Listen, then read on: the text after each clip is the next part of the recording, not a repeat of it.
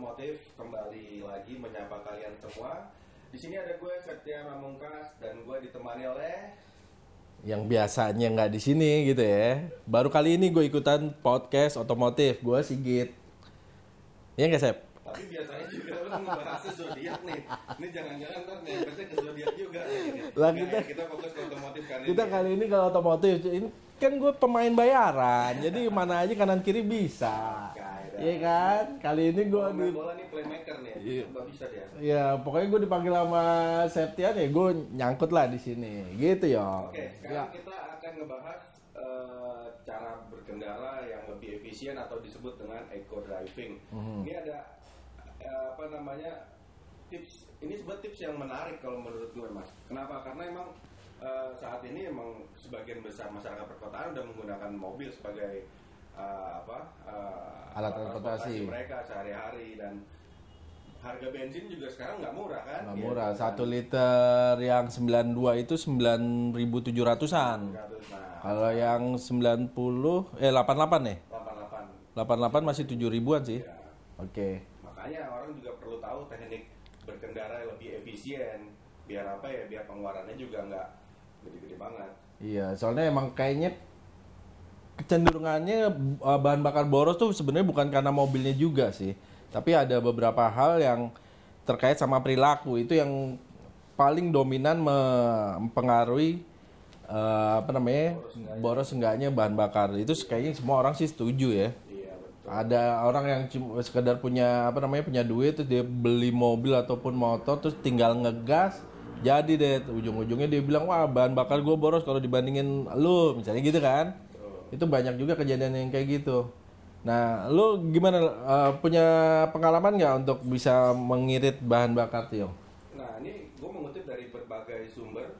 Ini ada setidaknya ada 10 eh, cara untuk lebih efisien dalam berkendara. Yang pertama adalah eh, akselerasi perlahan. Jadi kita saat memulai perjalanan tuh jangan langsung injek gas dalam-dalam. Jadi harus benar-benar uh, smooth gitu pelan-pelan akselerasinya jadi saat uh, apa dengan akselerasi yang sedikit lebih perlahan akselerasi di bawah du- uh, 20 km per jam selama 5 detik saat uh, mobil berlaju ini bisa mengurangi konsumsi bahan bakar sekitar 11% lumayan kan tuh ini istilahnya eh, ngurutin nih gitu ya, Ya. ngurutin gas ya. Jadi nginjeknya nggak main pol gitu ya.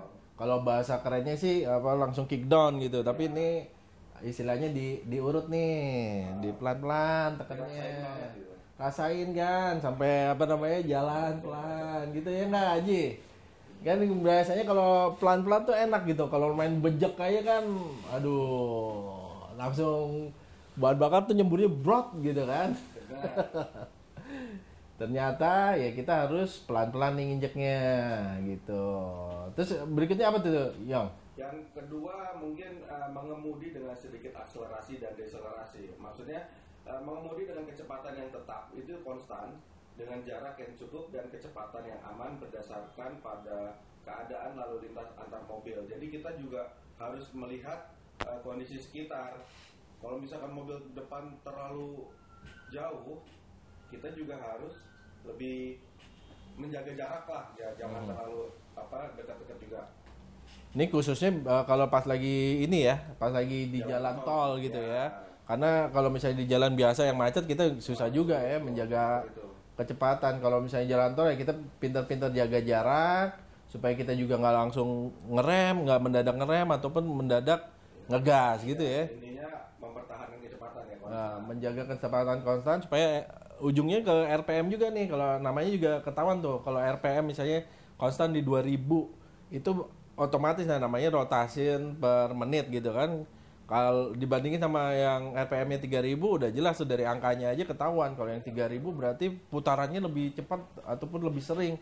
Artinya juga bahan bakar yang disemprotin ke ruang bakar juga lebih sering ketimbang yang si 2000 RPM tadi atau yang di bawahnya tapi biasanya kalau yang aman sih ya 2000 RPM lah gitu 2000 2500 lah segitulah jangan tinggi-tinggi banget ya Lalu yang ketiga adalah melepas atau tidak menekan pedal akselerator. Jadi kaki jangan terlalu di pedal terus tuh. Hmm. Jadi eh, sebisa mungkin tuh menggunakan engine brake secara positif. dengan menggunakan engine brake, mesin akan menggunakan mesin akan menghentikan suplai bahan bakar dan penggunaan bahan bakar menurun sekitar 2%. Hmm, lumayan juga 2% tuh kalau dari hitungan nih.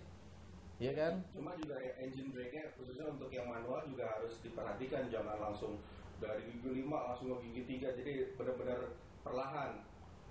Jedanya Diurutin juga tuh, nurunin apa eh, nurutin nurunin gigi juga pelan-pelan tuh. Satu ceklak. Ntar kalau udah RPM-nya udah agak rendah turunin lagi segala macam.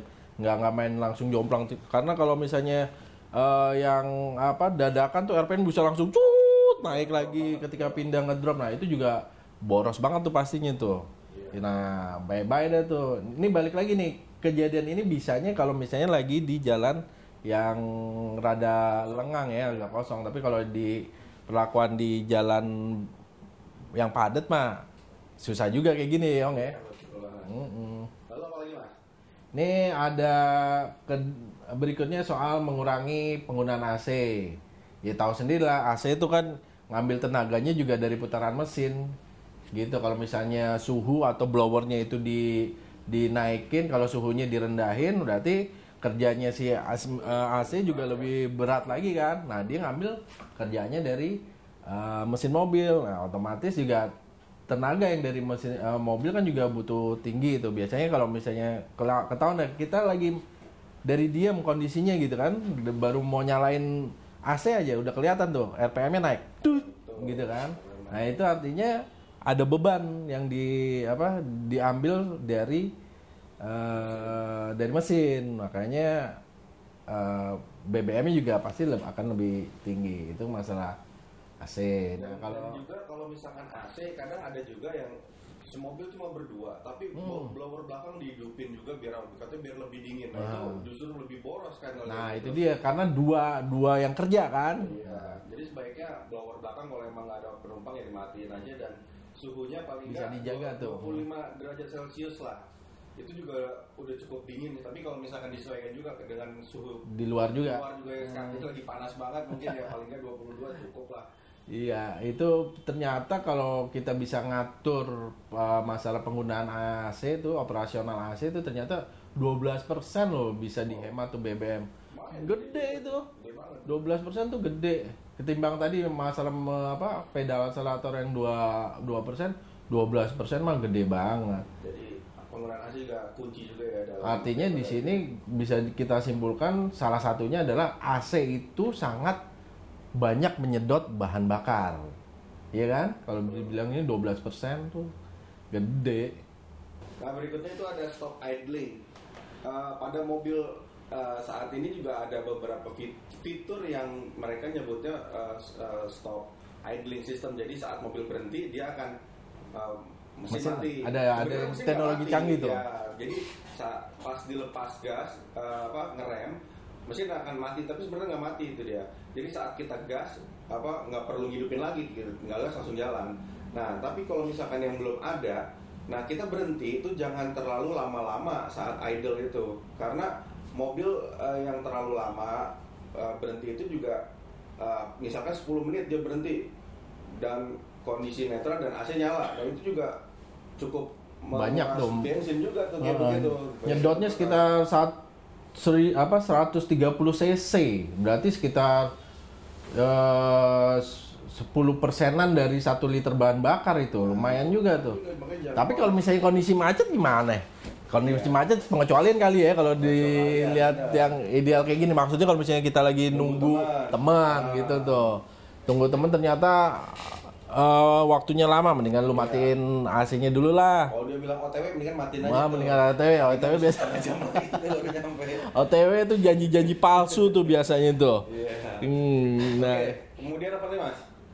Nah ini dia. Ini ada sekarang mesin sebenarnya kan udah canggih semua tuh, udah diatur sedemikian rupa se- sehingga presisi. Jadi sebenarnya kita juga nggak perlu ngangetin mesin, ya ngangetin, manasin men- mesin lah. Panasin dulu gitu. Eh, panasin dulu. Nah, artinya kalau memang pun kita eh, apa terlanjur untuk eh, terbiasa sama sama kebi- apa kebiasaan kita ngangetin manasin mesin, ya ya udahlah Eh, waktu dur ataupun durasi manasinnya yang- jadi nggak lama-lama lagi lah. ya maksimal tiga menit cukup lah. Itu juga sebenarnya sih udah lama karena sekarang kan mesin udah canggih terus eh, oli juga udah makin apa namanya eh, performance-nya juga udah bagus-bagus tuh aditifnya segala macam jadi nggak perlu lagi apa manasin terlalu lama. terlalu lama. Tiga menit aja cukup ya? Tiga menit cukup kecuali ya mesin zaman tahun 80 90-an lah terakhir gitu. Mungkin ya itu masih berpengaruh lah supaya langsamnya enak. Nah orang-orang bilangnya gitu. Tapi kalau sekarang mesin-mesin mah udah canggih. Nah nah, kemudian kalau misalkan saat kita mau berkendara juga itu perlu dipantau juga informasi lalu lintas biar kita tahu nih mana yang jalan yang macet mana enggak kita jadi bisa punya gambaran kita jadi nggak ngapain macet-macetan kita buang banyak bahan bakar kita mendingan lewat jalan yang alternatif Iya, ini kita juga sebenarnya udah dimanjakan nih sama teknologi nih kan. Nah. Setiap eh, smartphone kita udah ada eh, apa namanya? Ada Google Maps lah paling nggak tuh kan. Jadi kita bisa pilih nih sebelum berangkat. Kita lihat dulu tuh peta tuh mana yang merah, orange ataupun hijau. Nah, sebisa mungkin nih kita menghindari yang merah lah. Sebisa mungkin ya.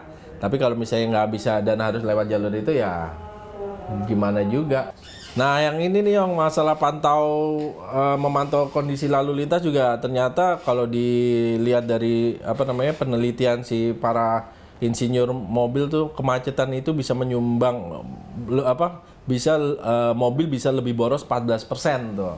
Itu gede loh. Boros banget. Boros banget tuh 14%. Dan hal yang nggak kalah penting adalah sebelum jalan itu cek tekanan udara ban. Ya, ini penting karena ban satu-satunya komponen yang bersentuhan langsung sama jalanan. Jadi ya menyangkut keamanan dan kenyamanan berkendara ya ada di ban ini. Tapi ya itu tadi ternyata bukan masalah kenyamanan juga. Ya. Tapi ternyata boros tidaknya bahan bakar juga dipengaruhi sama Kanan ban. tekanan ban. Jadi kalau kita disarankan untuk cek ba- apa eh, kendaraan ban ban mobil itu pagi hari dan minimal sebulan tuh dua kali lah. Itu minimal banget karena eh, apa namanya dalam tempo sekitar eh, 2 sampai 4 minggu itu eh, tekanan ban itu bisa berkurang itu eh, lebih dari 1 PSI.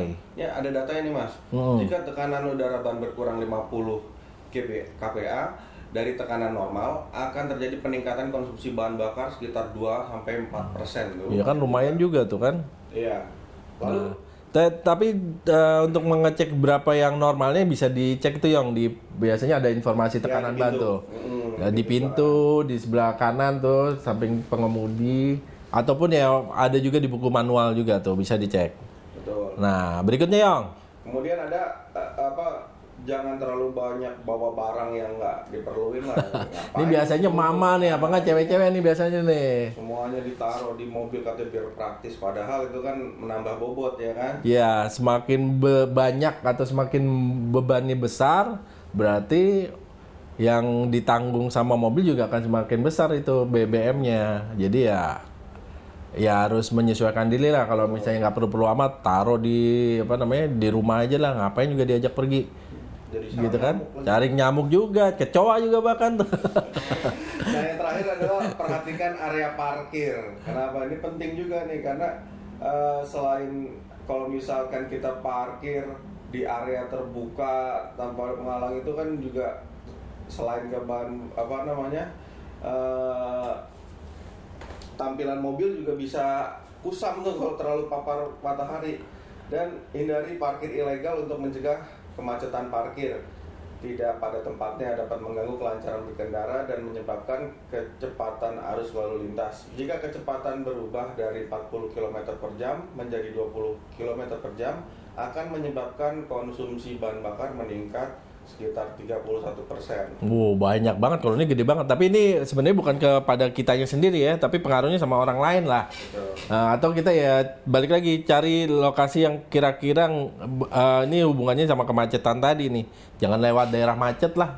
Intinya sih seperti itu. Walaupun ya bukan pekerjaan gampang di Jakarta apalagi Ya, gitu. Tapi ya intinya ya kita harus tahu lah perilakunya itu yang lumayan nih bisa menghemat 10 persenan 10 persen kalau dikali 9 9.700 berarti 900 perak tuh lumayan tuh Lumayan 10%. Oke, mungkin itu adalah 10 tips and trick untuk uh, berkendara lebih hemat eh, bahan bakar atau eco driving yang bisa Anda coba. Demikian uh, podcast otomotif kali ini. Saya Sigit dan rekan saya. Setia undur diri. Sampai jumpa. Sampai ketemu.